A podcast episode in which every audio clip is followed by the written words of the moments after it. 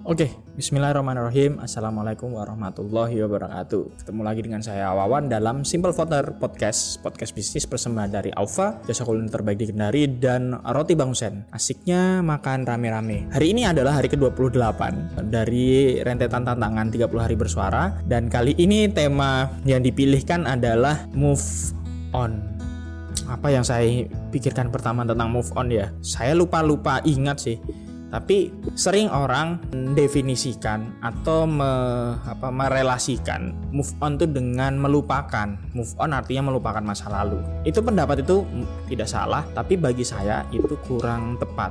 Karena buat saya move on itu artinya adalah berbaikan dengan masa lalu.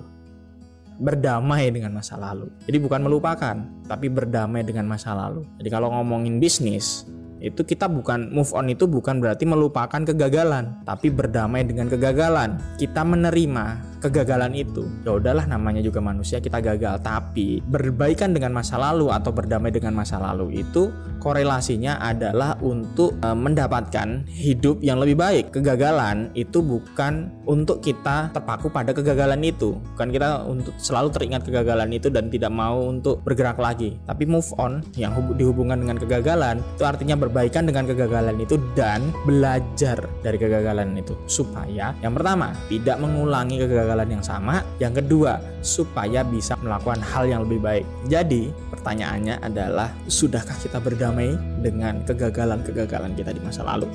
Terima kasih sudah mendengarkan podcast kali ini. Wabillahi taufiq walhidayah. Wassalamualaikum warahmatullahi wabarakatuh.